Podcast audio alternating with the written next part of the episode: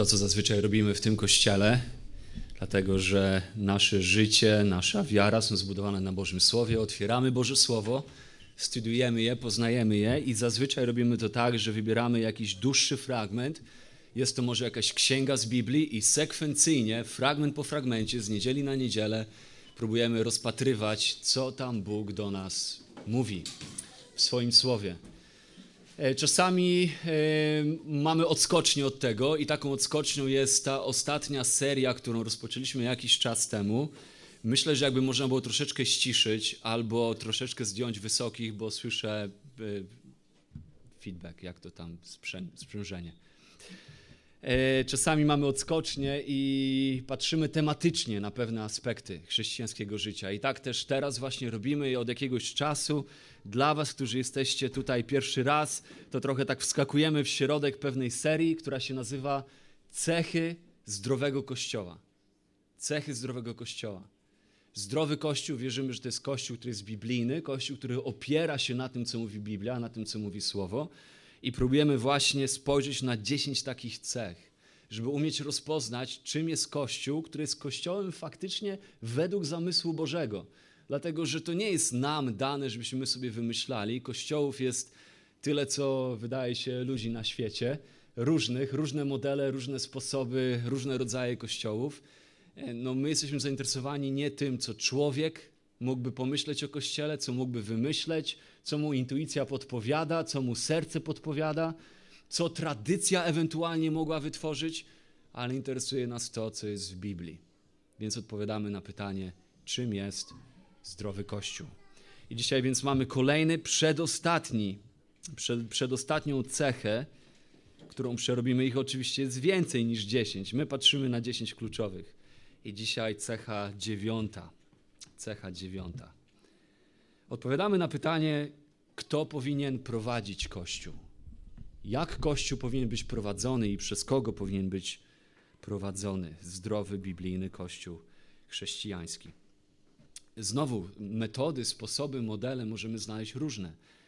Z jednej strony możemy znaleźć taki model, że może Kościół powinien być prowadzony przez kapłana, jak to jest powszechnie rozumiane w naszym kraju. Kościół prowadzony powinien być przez kapłana, albo jeżeli wyjdziemy poza Kościół rzymski, no to może przez jakiegoś namaszczonego proroka, przez szczególnie namaszczoną osobę do tej służby, człowieka o szczególnym namaszczeniu w szczególny sposób wyświęconego, namaszczonego, takiego, na którym spoczął sam Bóg swoim duchem w wyjątkowy sposób, inaczej niż na wszystkich innych. Człowieka innego, trochę takiego odstającego od wszystkich innych w swej duchowości, w swym właśnie namaszczeniu, w swym kapłaństwie. No w końcu przecież Pan rzekł do Mojżesza, tak? Czwarta Mojżeszowa, 27 rozdział, wersety 18 do 20. Weź Jozułego, syna Nuna, męża obdarzonego duchem i połóż na nim swoją rękę. I postaw go przed Eleazarem, kapłanem i przed całym zborem i na ich oczach ustanów go wodzem. Złóż na niego część swojego dostojeństwa, aby byli posłuszni mu wszyscy w zborze synów izraelskich. Może to jest to. Może tak powinien wyglądać Kościół. Powinniśmy szukać takiego męża, takiego męża, na którym w szczególny sposób spoczął duch Pana. W jakiś sposób się to zamanifestowało i powinniśmy w jego ręce złożyć przywództwo nad Kościołem. On powinien być kapłanem Kościoła, pośrednikiem między Bogiem a ludźmi, między ludźmi a Bogiem. To on mógłby reprezentować Boga przed wiernymi. I to on mógłby reprezentować wiernych przed Bogiem. On oczywiście nie byłby sam, miałby pomocników, miałby doradców, ale to on podejmowałby ostatecznie decyzję, bo on jest wyjątkowy. Posiadałby szczególny autorytet, zarządzałby kościołem jako ten, który jest najbardziej obdarowany, posiada największą charyzmę, nosi wokół siebie pewną aurę, można powiedzieć, która budzi największy szacunek, a nawet wzbudza strach. No tutaj ktoś mógłby powiedzieć, ktoś uważny, wydaje mi się, że w naszym kraju nawet nie trzeba być szczególnie tutaj uważnym, że jest to dość ewidentne, że taki model jest niebezpieczny. Bo taki człowiek okazuje się, że przed nikim nie odpowiada. Przez to szybko zaczyna nadużywać swojej pozycji dla własnego zysku, A nawet jakbyśmy się rozejrzeli dookoła, w naszym własnym kraju zaczyna używać tej pozycji nawet dla rozpusty i wszelkich form różnego rodzaju niemoralności. Wydaje mu się, że jest ponad prawem, bardzo często faktycznie wszystko uchodzi mu na sucho, albo nawet jeśli nie, to po prostu zaczyna kontrolować ludźmi. Nawet jeżeli nie jest jakoś tam zdemoralizowany, to po prostu zaczyna kontrolować ludźmi, zaczyna kontrolować kościołem. Ma bardzo wysokie mniemanie o sobie jako najbardziej biblijnej, obdarowanej duchowej osobie w otoczeniu i oczekuje, że każdy i wszystko będzie mu podporządkowane. Na wszystko chce wpływać, wszystkim podcina skrzydła, wszystkim chce kontrolować. Wtedy taki kościół i panujący w nim klimat zaczyna bardziej przypominać sektę, aniżeli żywe ciało Chrystusowe, którego każda część, jak mówi słowo, jest tak samo istotna, tak samo ważna i powinna rosnąć i służyć całości. No więc ktoś widząc takie modele i ich niebezpieczeństwa powie w takim razie Kościół powinien być nieprowadzony przez formalne przywództwo. W Kościele nie powinno być formalnego przywództwa w takim razie. Kościół to w końcu nie firma, to nie organizacja, ale żywy organizm. Wszyscy wierzący przecież są kapłanami i wszyscy posiadamy Ducha Bożego jako wierzący ludzie. No przecież Jan napisał w 1 Jana 2,27 ale to namaszczenie, które od Niego otrzymaliście, pozostaje w was. Pisze to do wszystkich wierzących. I nie potrzebujecie, żeby ktoś was uczył. Lecz jak namaszczenie Jego poucza was o wszystkim i jest prawdziwe, a nie jest kłamstwem, i jak was nauczyło, tak wy w nim trwajcie. Więc może rozwiązaniem jest brak formalnego przywództwa. W końcu wszyscy jesteśmy namaszczeni. Wszyscy mamy wgląd w poznanie Pana. Może zdrowy Kościół to takim, w którym nie ma formalnego przywództwa, ale wszyscy razem, wspólnie, nieformalnie, w równości, w naszym wzajemnym oddaniu Panu prowadzimy Kościół. Bez żadnej organizacyjności, bez żadnego instytucjonalizmu, bez polityki. Chrześcijanie nie potrzebują, żeby im ktoś mówił, w co mają wierzyć i jak postępować, bo przecież każdego tak samo prowadzi duch. Czyż nie o tym mówi Jan? Tutaj znowu ktoś mógłby szybko zauważyć, że to też jest niebezpieczne. Takie kościoły szybko się rozpadają.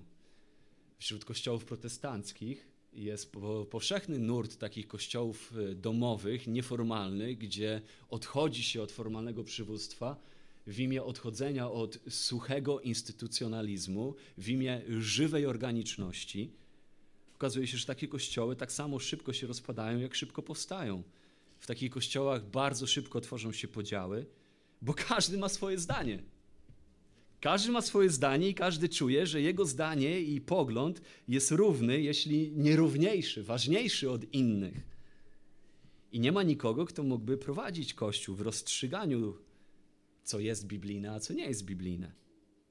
I szybko okazuje się, że życie takiego kościoła, ono fajnie brzmi w teorii, ale w praktyce jest po prostu stadem pozbawionym pasterza.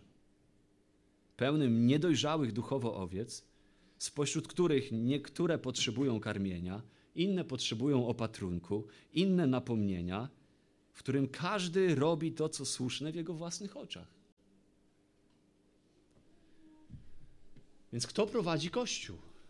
Jak prowadzony jest zdrowy biblijny Kościół? No, musimy przestać wymyślać to, co nam wiatr przyniesie na myśl. Musimy przestać polegać na naszej własnej intuicji przestać wyciągać wnioski z naszego doświadczenia w świecie, oglądania firm, jak działają firmy i instytucje, świat biznesu i po prostu zwrócić się do Biblii. Bo Biblia nie milczy na ten sposób. Wiele mówi na ten sposób i ma dla nas odpowiedzi. I tam powinniśmy zobaczyć, co Bóg mówi o tym, kto i jak powinien prowadzić Kościół. Pięć punktów. Pięć punktów. Pierwszy punkt.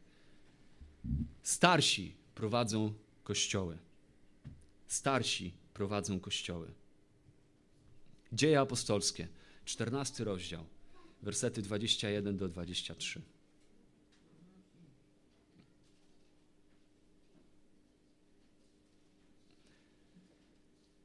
zwiastując dobrą nowinę także temu miastu, jest tutaj mowa o tutaj misji, misji tej ewangelizacyjnej, misji apostoła Pawła i jego zespołu.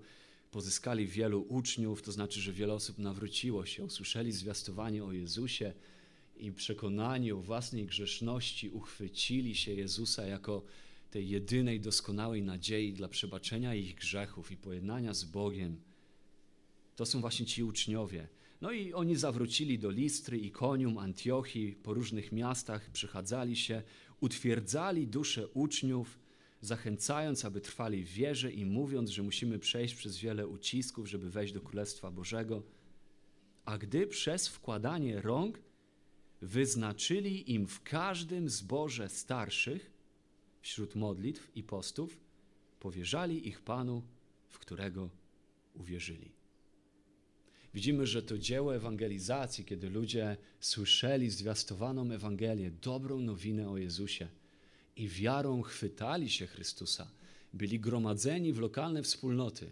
I te lokalne wspólnoty, to dzieło gromadzenia ich w lokalnych wspólnotach nie było ukończone dopóty, dopóki ten zespół misyjny nie ustanawiał pośród nich starszych.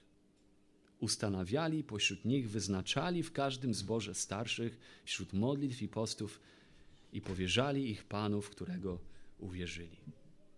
Widzimy, że tutaj jest ten aspekt wyznaczania starszych w kościołach. Paweł, pisząc do Tytusa, którego zostawił na Krecie, na wyspie Krecie, może niektórzy z nas byli na wakacjach w Grecji, na Krecie, to jest właśnie ta Kreta.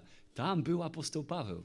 Tam była zwiastowana Ewangelia i tam zostawił Tytusa, młodego chłopaka, żeby on uporządkował spra sprawy w tamtejszych kościołach. Następnym razem będziecie na Krecie, to można sobie uzmysłowić, że nasza wiara jest, nie jest jakąś wiarą transcendentalnych, abstrakcyjnych przeżyć, ale jest wiarą ugruntowaną w faktycznych, historycznych wydarzeniach. No więc tak tutaj na Krecie mamy kościoły, w których trzeba coś uporządkować. I Paweł pisze do tego Tytusa, który ma te sprawy porządkować. Pisze tak, Tytusa, pierwszy rozdział, piąty werset. Pozostawiłem Ciebie na Krecie w tym celu, abyś uporządkował to, co pozostało do zrobienia i ustanowił po miastach starszych, jak Ci nakazałem. Po miastach, to znaczy no, nie starszych miast, ale w miastach, w których powstały kościoły. Żebyś w tych kościołach, w tych różnych miastach Krety poustanawiał starszych. Żebyś ustanowił tam starszych. Poinstruował go, że częścią tego porządkowania kościołów ma być ustanowienie starszych. Nowotestamentowe kościoły były prowadzone przez starszych. To jest jedyny model, jaki znajdujemy w Bożym Słowie.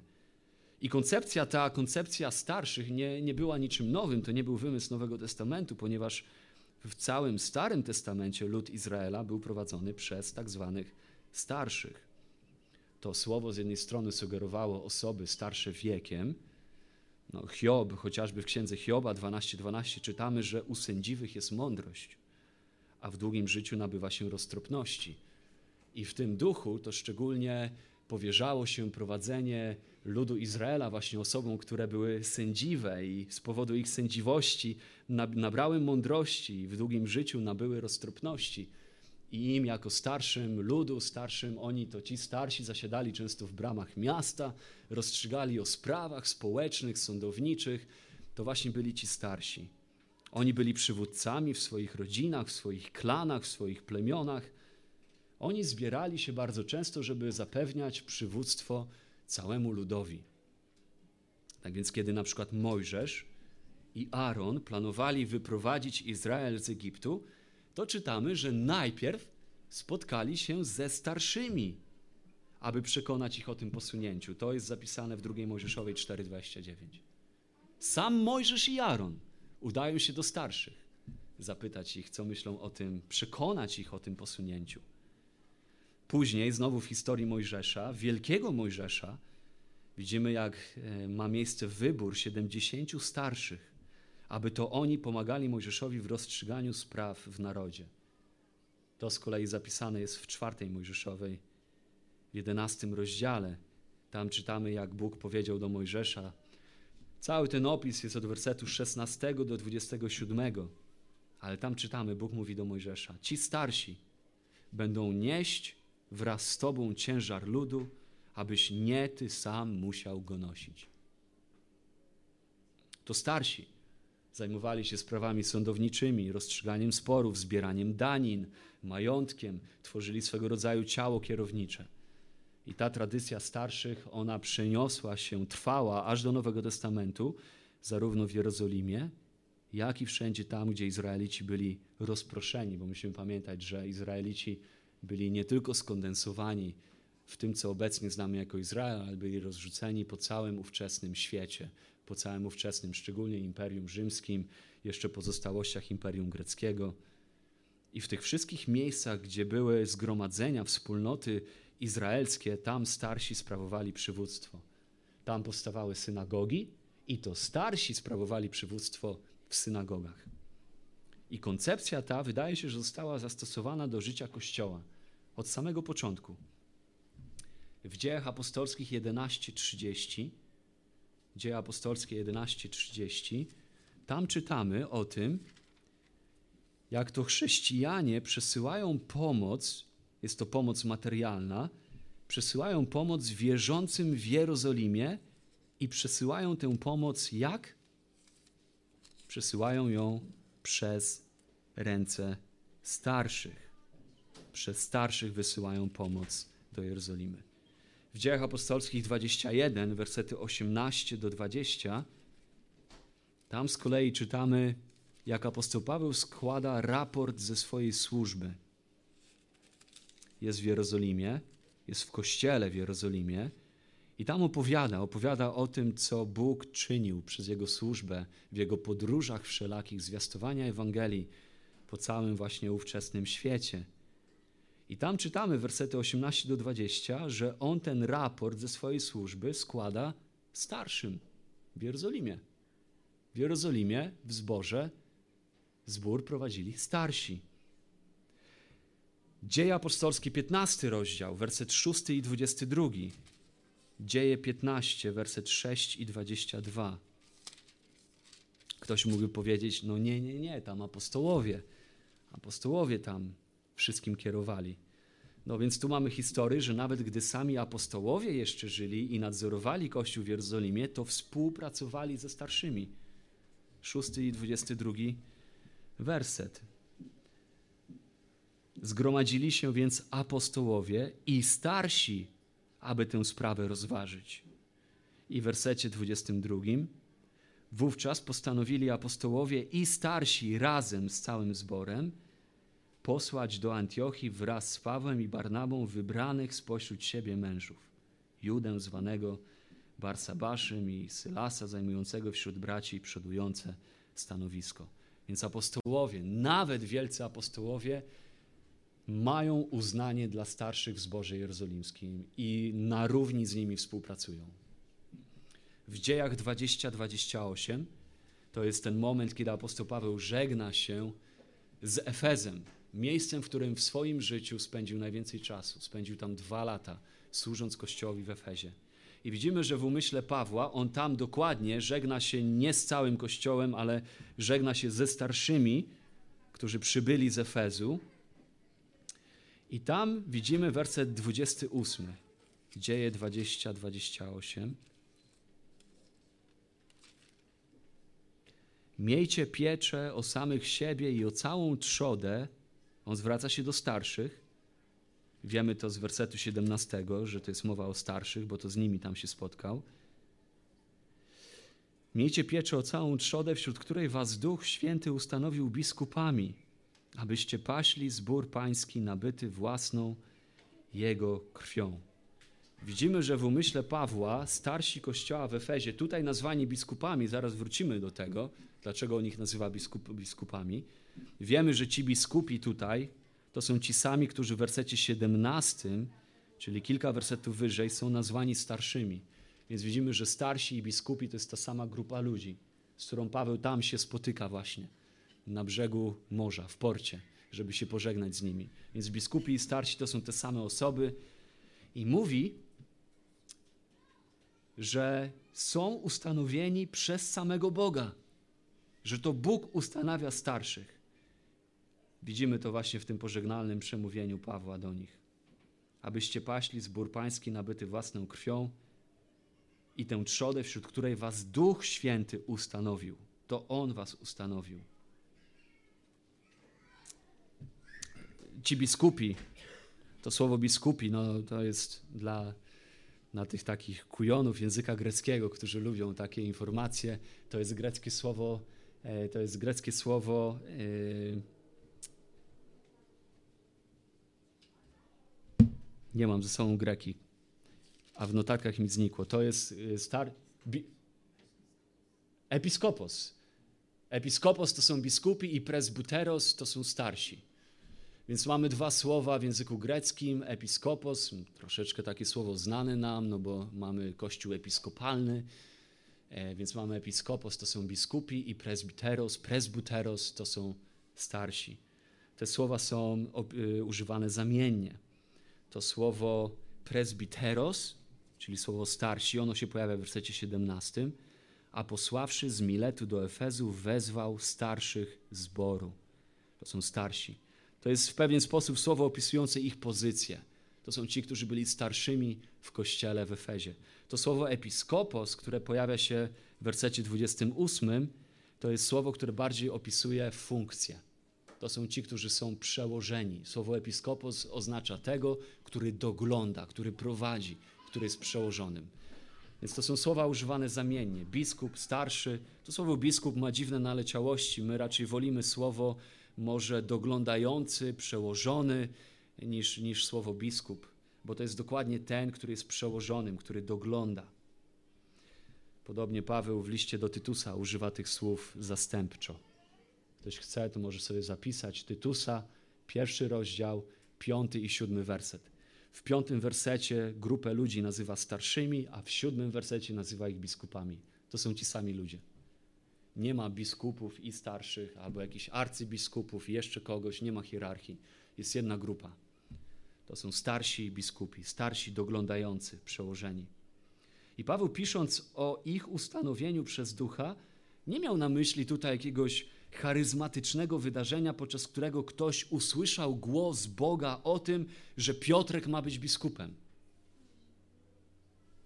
Ma raczej na myśli zwyczajne trwanie Bożych ludzi w modlitwie i identyfikowanie takich mężczyzn spośród siebie, których charakter odpowiadał biblijnym kwalifikacjom i mianowanie ich na starszych. Widzimy dokładnie taki wzorzec za każdym razem, kiedy starsi są powoływani do służby starszego. I Paweł przypomina starszym w Efezie, że to nie był ich pomysł, to nie był pomysł inwencji twórczej człowieka, to nie był pomysł ludzi, ale pomysł i dzieło samego Boga. Bóg ustanawia starszych w kościele. To jest Jego model, to jest Jego pomysł. Za rolą starszych w kościele stoi sam Bóg. Starsi byli przywódcami kościoła, doglądając go. Kiedy zakładano kościoły, uważano, że należy w nich mianować starszych. I dzieło zakładania kościołów nie było skończone, dopóki nie ustanowiono w nich odpowiednio wykwalifikowanych starszych. Po drugie, starsi prowadzą w zespole. Starsi prowadzą kościoły, po drugie, starsi prowadzą w zespole. Zawsze w Nowym Testamencie widzimy występujących, starszych występujących w liczbie mnogiej, nigdy w liczbie pojedynczej. Zbory były prowadzone nie przez jednego starszego, ale przez mnogość starszych. To była grupa. To nie był jeden jakiś wyniesiony nad innych człowiek, ale to była grupa równych sobie osób, wspólnie sprawujących doglądanie Kościoła. Paweł ze swoim zespołem ustanowili starszych w zborach. Nie w każdym kościele starszego, ale w każdym kościele starszych. W Efezie czytamy, czytaliśmy ten fragment, z Efezu wezwał starszych. Było ich wielu. Filipi, kiedy czytamy wstęp do listu do Filipian, czytamy, że Paweł pozdrawia wierzących i starszych w w Filipi. Widzimy, że w w Filipi byli starsi. Jakub w swoim liście mówi o tym, żeby zwołać starszych, kiedy trzeba modlić się o chorego pośród nich. Nie starszego, ale starszych. Założenie jest takie, że jest ich kilku.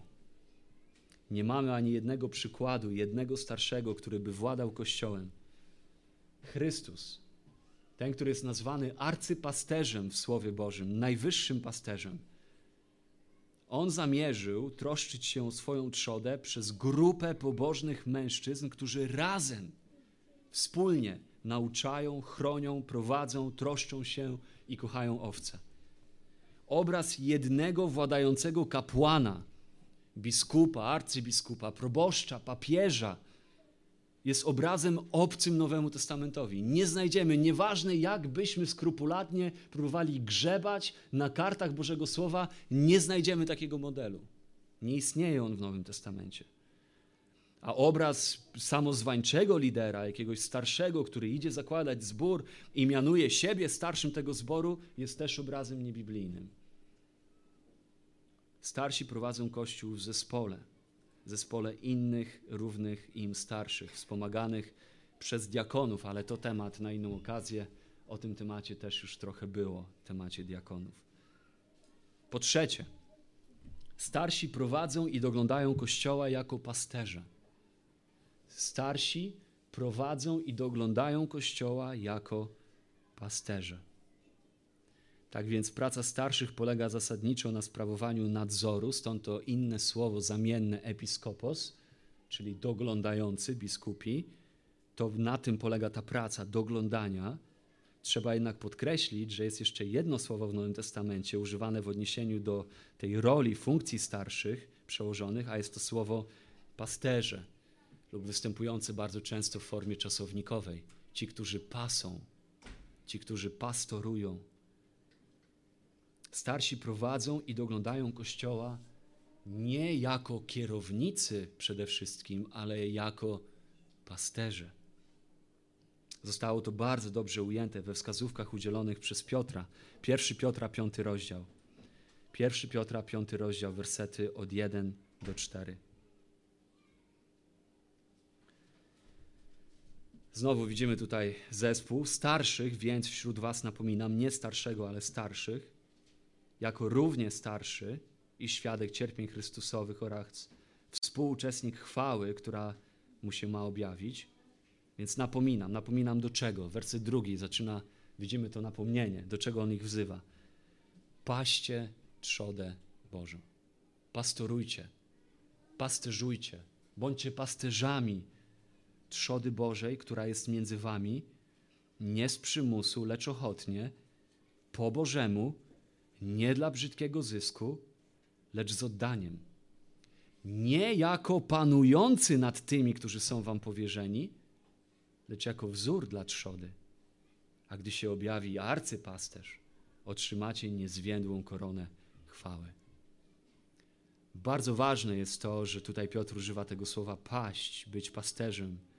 Piotr porównuje pracę starszych do pracy zwykłych pasterzy, którzy pasą owce. To był obraz bardzo dobrze znany ówczesnemu słuchaczowi. Dawid w Starym Testamencie używał tego zwrotu w odniesieniu do Boga, kiedy napisał w Psalmie 23: Pan jest pasterzem moim. Nad wody spokojne prowadzi mnie, na łąkach zielonych pasie mnie. Kiedy jestem w dolinach śmierci, ciemnych dolinach śmierci, nie boję się, bo On, mój pasterz, jest ze mną.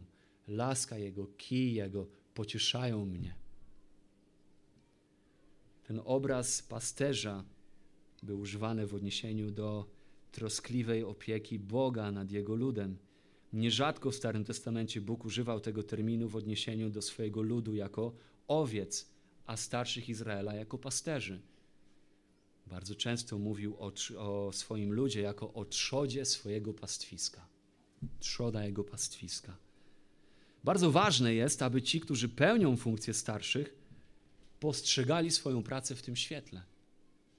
Nie w świetle tych, którzy panują nad Kościołem, ale w świetle tych, którzy pastorują Kościołowi, są pasterzami Kościoła. Najlepsi pasterze karmili owce na dobrych pastwiskach. Najlepsi pasterze dbali o to, żeby owce mogły mieć wodę do picia, Chronili je przed dzikimi zwierzętami. Każda owca była dla nich ważna. Przywracali ją do zdrowia, gdy były chore. Upewniali się, że owce są bezpieczne na co dzień. Szli za zbłąkanymi owcami, ciężko pracowali, aby je znaleźć i sprowadzić z powrotem w bezpieczne miejsce. Tak jest obraz pasterza.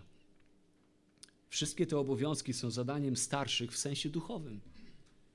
Starsi są pasterzami arcypasterza Chrystusa. Arcypasterz Chrystus, do którego należą owce, ustanawia pasterzy w grupach, by mogli dbać o owce, które nie są ich. Nie należą do nich, żeby oni sobie nimi kierowali według uznania, ale należą do Niego. Są szafarzami tego, co zostało im powierzone, jedynie zarządzają tym, co należy do kogoś innego i mają to robić w duchu pastorstwa, pasania tych owiec.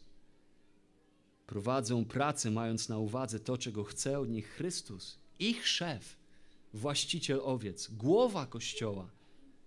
A to, czego on od nich oczekuje, oczywiście jest wyraźnie napisane w piśmie.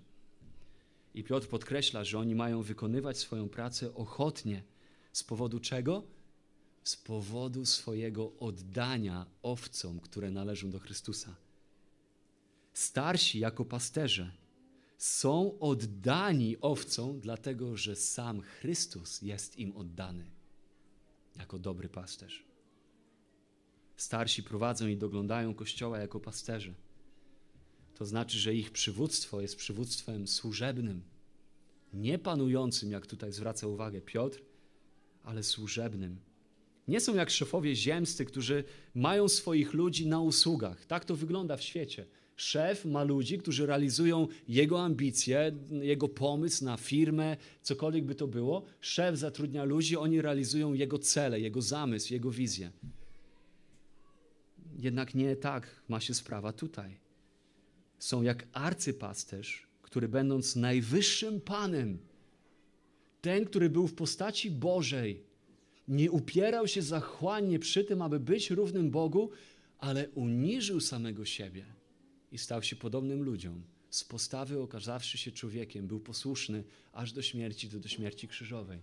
Jak sam podczas swojego ziemskiego życia powiedział, a ja nie przyszedłem, aby tutaj mi służono, ale przyszedłem, aby służyć i oddać życie swoje za wielu, oddać życie swoje za owce. To jest to, co robi wielki arcypasterz. Przykład, który nam zostawia, postawa, którą on ma wobec swojego kościoła. To jest ten, który porzuca i oddaje to, co najcenniejsze dla dobra tych, których przyszedł ratować, zaopiekować się nimi. To jest król, który zostawia swoją koronę, który zostawia królewską szatę, zostawia tron i idzie do pospólstwa, aby tam być pośród chorych, aby być pośród tych słabych, aby zostawić majestat swojego pałacu, być tam, żeby ich ratować. To jest to, co zrobił dla nas Chrystus. To jest przesłanie dobrej nowiny. Bóg staje się człowiekiem, schodzi ze swojego niebiańskiego tronu. Ten, który był bogaty, staje się ubogim, abyśmy w Jego ubóstwie byli ubogaceni, jak pisze Paweł do Koryntian. W jaki sposób jesteśmy ubogaceni Jego ubóstwem? No w taki, że On przychodzi tutaj, aby stać się częścią swojego stworzenia, aby jako swoje stworzenie, które przychodzi ratować, żyć jako człowiek, prawdziwie człowiek, aby być tym, który będzie żył inaczej niż żyliśmy my. On przychodzi żyć doskonałym życiem. Czytamy, że nie łamie ani jednego prawa Bożego. W odróżnieniu do nas. My jesteśmy winni złamania Bożego prawa. Możemy się wydawać sobie dobrymi ludźmi, ale kiedy staniemy, zmierzymy się ze świętością Bożą, ten, w którym nie ma chwilowego zaćmienia, ten, który rozprasza wszelką ciemność, no to okazuje się, że i w naszych myślach, i w naszych słowach, i w naszych czynach jesteśmy winni, jesteśmy grzeszni. I okazuje się, że Bóg, będąc sprawiedliwym sędzią, musiałby nas osądzić. Gdyby Bóg miał odwrócić swoje oblicze od naszego grzechu i machnąć ręką, okazałby się sędzią, który jest niesprawiedliwy. Okazałby się Bogiem, który nie jest święty, ale jako święty Bóg jest tym, który musi osądzić grzech. Jak Bóg może przebaczyć grzesznikowi, jednocześnie nie rezygnując ze swojego sądu? To jest wielka zagadka Bożego Słowa. To jest wielka zagadka drugiej Mojżeszowej 34.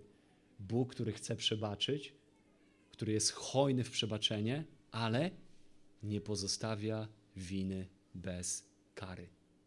Jak Bóg może nie pozostawić winy bez kary, jednocześnie okazując przebaczenie? Tylko w Chrystusie. Tylko w Chrystusie. Chrystus przychodzi, aby być jednym z ludzi, aby kara należna nam spadła na Niego. Dlatego, że kiedy On umierał, nie umierał za siebie, bo On grzechu nie popełnił. On przychodzi, aby kara za grzechy nasze spadła na Niego, aby wtedy ci, którzy swoją ufność składają w Nim, swoją wiarą chwytają się Go, rozumiejąc, że są grzeszni i potrzebują pojednania z Bogiem, i tylko On jest dla nich deską ratunku, chwytają się Go, Bóg, jak czytamy w Bożym Słowie, może spojrzeć na grzesznika jako okrytego sprawiedliwością Chrystusową. To znaczy, że w Chrystusie ma miejsce najwspanialsza zamiana, jaka może mieć miejsce. Znałem powiedzenie, zamienił stryjek, siekierę na kijek. Tutaj mamy odwrotność tego, tylko że w, w o wiele wspanialszym sensie. Nasza grzeszność złożona jest na Chrystusa, a przez naszą wiarę Jego świętość złożona jest na nas. Nie w takim sensie, że stajemy się święci, bo dobrze wiemy, że wciąż grzech w nas jest, ale w takim sensie, że Bóg może spojrzeć na nas jak na sprawiedliwych, bo widzi w nas Chrystusa Jego szatami jesteśmy okryci. To jest to, jakim pasterzem jest On. Starsi muszą działać dla duchowego dobra innych. Nie posiadają władzy absolutnej, aby robić to, co chcą. Sami są poddani Panu i oddani Bożemu ludowi, tak jak On jest Jemu oddany. W Jeremiasza 23, wersety 1 do 4 mamy przykład niezadowolenia Bożego z powodu tego, co widział u tych, którzy byli pasterzami Izraela. Jeremiasza 23, 1 do 4. Mamy zły przykład pasterzy. Biada pasterzom, biada pasterzom, którzy gubią i rozpraszają owce mojego pastwiska, mówi Pan. Gubią i rozpraszają owce mojego pastwiska. Dlatego tak mówi Pan, Bóg Izraela, o pasterzach, którzy pasą mój lud. To wy rozproszyliście moje owce i rozpędziliście je, a nie zatroszczyliście się o nie. To też ukażę was za złe wasze uczynki, mówi Pan. I sam zgromadzę resztę moich owiec ze wszystkich ziem, do których je wygnałem, i sprowadzę je na pastwisko, i będą płodne i liczne, i ustanowię nad nimi pasterzy, którzy je paść będą i nie będą się już bały ani trwożyły, i żadna z nich nie zginie, mówi Pan. Starsi w Izraelu nie troszczyli się o owce tak, jak powinni, ale Bóg planował zastąpić ich tymi, którzy będą troszczyć się o nich należycie. Starsi więc są przywódcami posiadającymi daną im przez Boga władzę, autorytet, ale powinni używać tego autorytetu z łagodnością i w duchu czułej i pełnej miłości, troski o trzodę. Nie jako panujący nad tymi, którzy są wam powierzeni, lecz jako wzór dla trzody. To znaczy, że ich zdolność przekonywania jako starszych powinna w znacznej mierze wynikać z miłości do owiec, a nie z miłości do swoich racji. Prowadzą i doglądają głównie słowem, modlitwą, przykładem,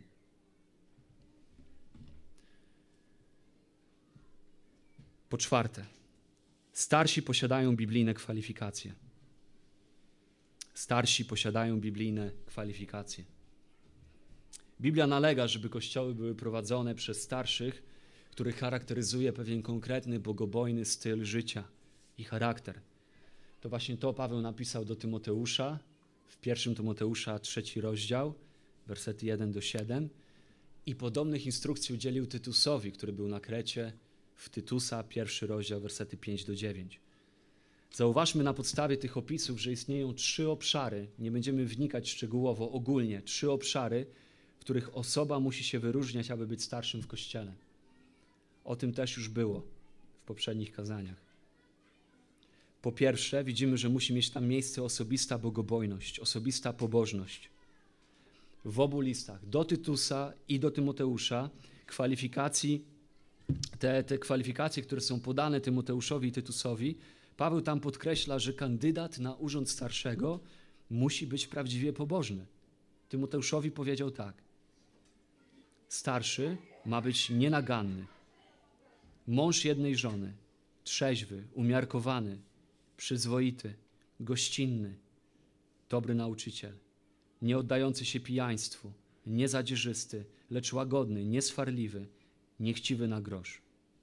A do Tytusa napisał, nadzorca jako zarządca Boży powinien być nienaganny, niesamowolny, nieskory do gniewu, nie oddający się pijaństwu, nieporywczy, niechciwy brudnego zysku, ale gościnny, zamiłowany w tym, co dobre, roztropny, sprawiedliwy, pobożny, wstrzemięźliwy. Znaczy, że uświęcające, przemieniające działanie Ducha Świętego musi być widoczne w moralnie przemienionym charakterze starszego. Tej osoby, która ma być, ma być uznana za starszego. Jego pobożność powinna być oczywista dla wszystkich, ponieważ starszy musi przewodzić nie tylko tym, co mówi, ale musi przewodzić przykładem dla Kościoła tego, jak chrześcijanin powinien żyć w posłuszeństwie Bogu. Druga kategoria jego charakteru, jego pobożności to jest zarządzanie domem. Bogobojność osobista i zarządzanie domem. W obu zestawieniach kwalifikacji na urząd starszego Paweł wspomina o potrzebie wykazania się przez człowieka sposobem zarządzania własną rodziną. Do Tymoteusza napisał tak. To ma być ten, który by własnym domem dobrze zarządzał, wersety 4-5, dzieci trzymał w posłuszeństwie i wszelkiej uczciwości, bo jeżeli ktoś nie potrafi własnym domem zarządzać, jakże będzie mógł mieć na pieczy Kościół Boży? A do Tytusa napisał, to są ci, którzy są mężami żony, jednej żony, którzy mają dzieci wierzące, które nie stoją pod zarzutem rozpusty albo krnąbrności. Powód, dla którego to wszystko jest tak ważne, widać w pytaniu, które Paweł zadaje Tymoteuszowi. To jest pytanie retoryczne, ono jest tam zadane. Ono brzmi tak. No bo jeżeli mężczyzna nie jest w stanie zdać egzaminu z zarządzania własnym domem, no to jak możemy uczciwie oczekiwać, że zda egzamin z opieki nad Kościołem Bożym? To jest to pytanie, które on zadaje Tymoteuszowi. Założeniem tego pytania jest, on poniesie porażkę. Jeżeli ponosi porażkę we własnym domu, to poniesie porażkę w zarządzaniu domem Bożym. To jest założenie tych prawd. Zasady związane z prowadzeniem kościoła są w zasadzie takie same jak zasady związane z prowadzeniem rodziny. Potrzeba regularnych instrukcji jest taka sama. Równowaga między miłością a dyscypliną jest taka sama.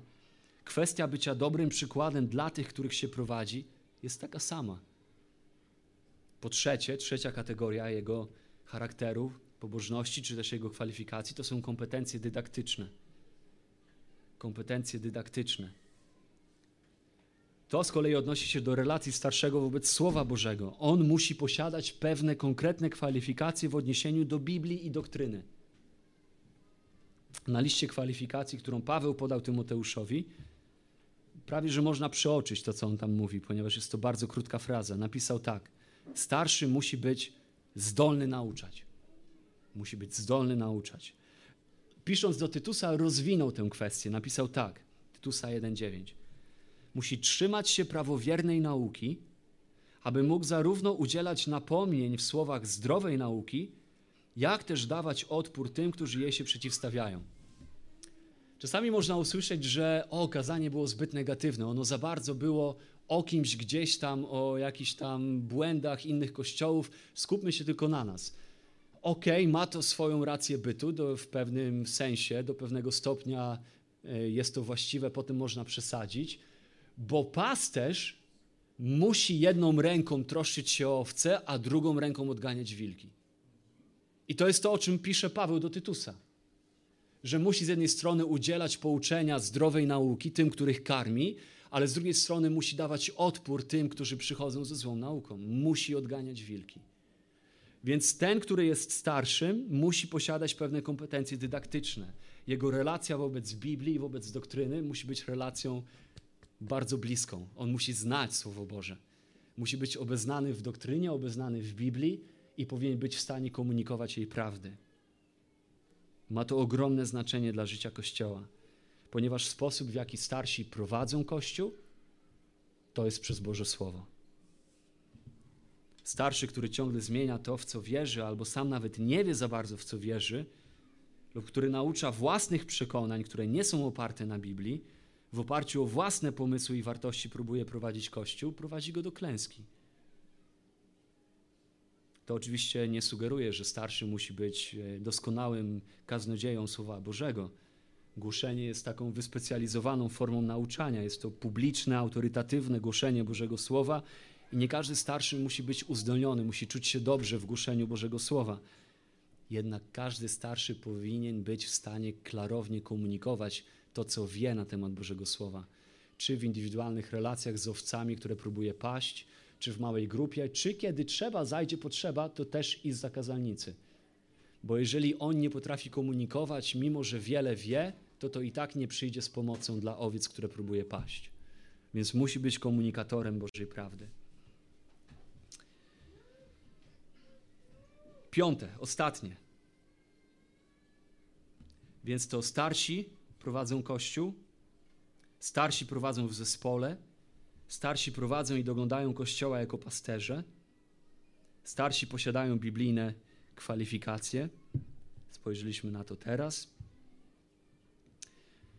To jest bardzo ważne, bo jeżeli Kościołowi brakuje takich osób, o jakich pisze Paweł do Tymoteusza albo do Tytusa, kiedy Kościół mianuje starszych, którzy nie posiadają tych kwalifikacji, no to trzeba się liczyć z tym, że Kościołowi będzie brakować pewnego elementarnego, fundamentalnego aspektu dla jego zdrowia i biblijności.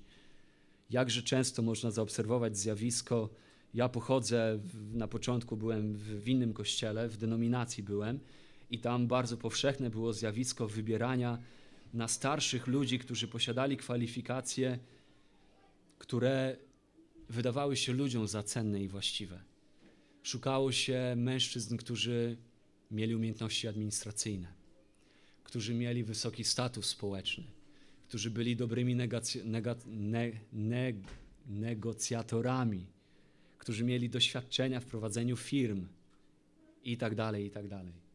To były, to były te czynniki, na których często kościoły się opierały. I zdrowie i wzrost takiego kościoła będzie nieuchronnie zahamowany w najlepszym wypadku. W najgorszym kościół taki wcześniej czy później stanie się rozbitkiem, jak statek pozbawiony sterów. I to widać niemalże na każdym przykładzie kościoła, który zrezygnował z biblijnych kwalifikacji, bo wydawały one się jemu zbyt niepraktyczne. Więc piąte, starsi są mężczyznami. Starsi są mężczyznami. Nie wiedziałem, czy zrezygnować z tego punktu, czy powiedzieć o nim, ale pomyślałem, w naszych czasach może warto, krótko. To pewnie temu można byłoby serię kazań poświęcić, ale warto o tym wspomnieć, zwłaszcza w naszych czasach. Starszymi w Biblii, przepraszam, drogie siostry, byli zawsze mężczyźni. Zawsze mężczyźni. Nie ma na kartach Bożego Słowa nawet aluzji o kobiecie starszej. Nawet aluzji nie ma. I nie jest to kwestia dyskryminacji. Nie jest to kwestia kultury opresji kobiet. Nie jest to kwestia kompetencji, że mężczyźni są bardziej kompetentni, są po prostu mądrzejsi w jakiś sposób od kobiet. Nie. Czytamy, że jest to kwestia ustanowionego przez Stwórcę porządku. Kropka. On ustanowił taki porządek. To jest kwestia zaufania Jemu w ustanowiony przez Niego porządek. Czy będziemy posłuszni temu, co On ustanowił? Czy uznamy, że XXI-wieczny człowiek, wyzwolony, oświecony, wie lepiej niż Bóg, co jest potrzebne Jego Kościołowi i Nowy Testament dzisiaj już nie powinien obowiązywać tak, jak obowiązywał wtedy, bo my przecież wiemy lepiej. Jeżeli chodzi o naszą wartość, jeżeli chodzi o naszą godność, użyteczność, to Biblia wypowiada się bardzo klarownie. Wszyscy jesteśmy jedno w Chrystusie. To nie jest kwestia podziału na lepszych i na gorszych. W Galacjan 3:28 czytamy: Nie masz Greka ani Żyda, nie masz niewolnika ani wolnego, nie masz mężczyzny ani kobiety, albowiem wy wszyscy jedno jesteście w Chrystusie. Ale kontekst tego fragmentu jest bardzo wyraźny. Kontekstem jest to, kto dziedziczy obietnicę. To jest fragment z Galacjan 3:28 i 3:29. Kto jest dziedzicem obietnicy życia wiecznego z powodu wiary w Chrystusa? Paweł mówi wszyscy. Wszyscy tak samo mamy udział w Chrystusie, udział w zbawieniu. Natomiast wartość, godność, użyteczność nie jest tym samym, co rola i funkcja. I to jest to rozróżnienie, które wydaje się, że dla nas dzisiaj w XXI wieku jest szczególnie trudne. wartość, godność, użyteczność nie jest tym samym, co rola i funkcja. Po prostu są określone funkcje. To trochę jak w organizmie. Gdybyśmy mieli wybierać między mózgiem a sercem, no wybierzmy, co jest lepsze, serce czy mózg? No jest to głupie pytanie. Serce i mózg są tak, samo cenne i tak samo użyteczne dla organizmu. Ale głupotą byłoby z mózgu zrobić serce, a z serca zrobić mózg. Role mózgu i serca są po prostu inne. Wynikają z porządku stworzenia, jak stwórca zdecydował zorganizować swój organizm. To jest bardzo proste. Rola starszego jest rolą mężczyzny. W tym fragmencie, w którym Paweł opisuje kwalifikacje na starszego, mówi, że to ma być mąż jednej żony. Tu już jest aluzja. To nie ma być żona jednego męża, mąż jednej żony, ale wcześniej, kilka wersetów wcześniej, zwraca się do kobiet i mówi: Kobieta niech się uczy w cichości i pełnej uległości. Nie pozwalam zaś kobiecie nauczać ani mieć władzy nad mężczyzną, lecz aby trwała w cichości, bo Adam został stworzony najpierw, potem Ewa. To jest ten fragment, uprzedzający fragment o starszych Kościoła. Mówi, nie chcę, żeby kobieta spełniała tą rolę nauczania Kościoła jako całości grupy, która uwzględnia mężczyzn. Nie chciałbym, żeby ona sprawowała rolę doglądania Kościoła władzy nad mężczyzną. Bo Adam został stworzony najpierw, potem Ewa. Paweł mówi, że starszy ma być zdolny nauczać, podczas gdy kobieta w kościele nie ma pełnić roli nauczania, takiej roli, która uwzględnia cały Kościół. Bo ogólnie nie chodzi o to, że kobieta w ogóle nie ma nauczać, bo w Tytusa czytamy, że powinna nauczać. Powinna uczyć inne kobiety, młode kobiety, jak kochać mężów, zarządzać domem. Z wiele okoliczności, w których kobieta może wylewać bogactwo swojego doświadczenia z Panem, ale nie jako starszy Kościoła, nie jako ktoś doglądający Kościoła. I widzimy, że to wynika z czego? Nie z kultury, jaka była w Efezie, ale wynika to z porządku stworzenia. Mówi Paweł, bo, bo co? Bo Adam został stworzony najpierw, a potem Ewa. Nie jest to kwestia pokoleniowa, nie jest to kwestia kulturowa, jest to kwestia ugruntowana w samym porządku stworzenia. I teraz wracam się do przyjaciół, nie wiem, może będą nas słuchać na, na transmisji, do przyjaciół akceptujących przywództwo kobiet w kościele, co się robi coraz bardziej powszechne. Uwaga, tak samo jak nie zmieniły się biblijne prawdy na temat stworzenia, Adam wciąż był pierwszy, Ewa była druga, tak samo nie zmieniły się prawdy wynikające, czy nie zmieniły się wynikające z nich praktyczne wnioski. Tak samo jak zmieniły, nie zmieniły się biblijne prawdy na temat stworzenia, tak samo nie zmieniły się wynikające z nich praktyczne wnioski, jak choćby ten, że kobieta nie powinna pełnić roli starszego w kościele. Bo to jest wniosek, jaki Paweł wyciąga ze stworzenia. Dobra, pewnie włożyłem kij w mrowisko, więcej pytań niż odpowiedzi, ale mamy pięć punktów. Potrzebujemy ufać i być posłusznymi biblijnemu wzorcowi Kościoła. Ufając, że to jest najlepszy porządek i wzorzec Kościoła, musimy podporządkowywać nasze praktyki Bożemu Słowu i szukać Kościoła, który odzwierciedla Boży porządek. Jeżeli rzeczywiście chcemy troszczyć się o dobrostan swojej duszy, szukajmy Kościoła, który odzwierciedla Boży porządek. Też i w tej dziedzinie. Musimy zabiegać o to, by nasze kościoły były prowadzone przez zespół biblijnie kwalifikowanych pasterzy, którzy służą owcom powierzonym pod ich opiekę z miłością.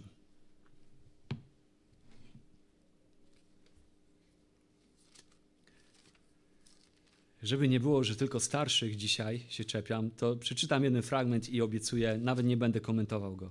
Tylko chciałem, żebyście też mogli wziąć coś dla siebie, wy, którzy starszymi nie jesteście, jesteście w większości i może nie będziecie. Tak, trochę dla ulżenia ciężaru nas starszych. Pierwszy Tesaloniczan, piąty rozdział. A prosimy was, bracia, Tutaj Paweł zwraca się jako starszy, jako apostoł do wierzących w Kościele. I my zwracamy się do Was. A prosimy Was, bracia, abyście darzyli uznaniem tych, którzy pracują wśród Was i są przyłożonymi Waszymi w Panu i Was napominają.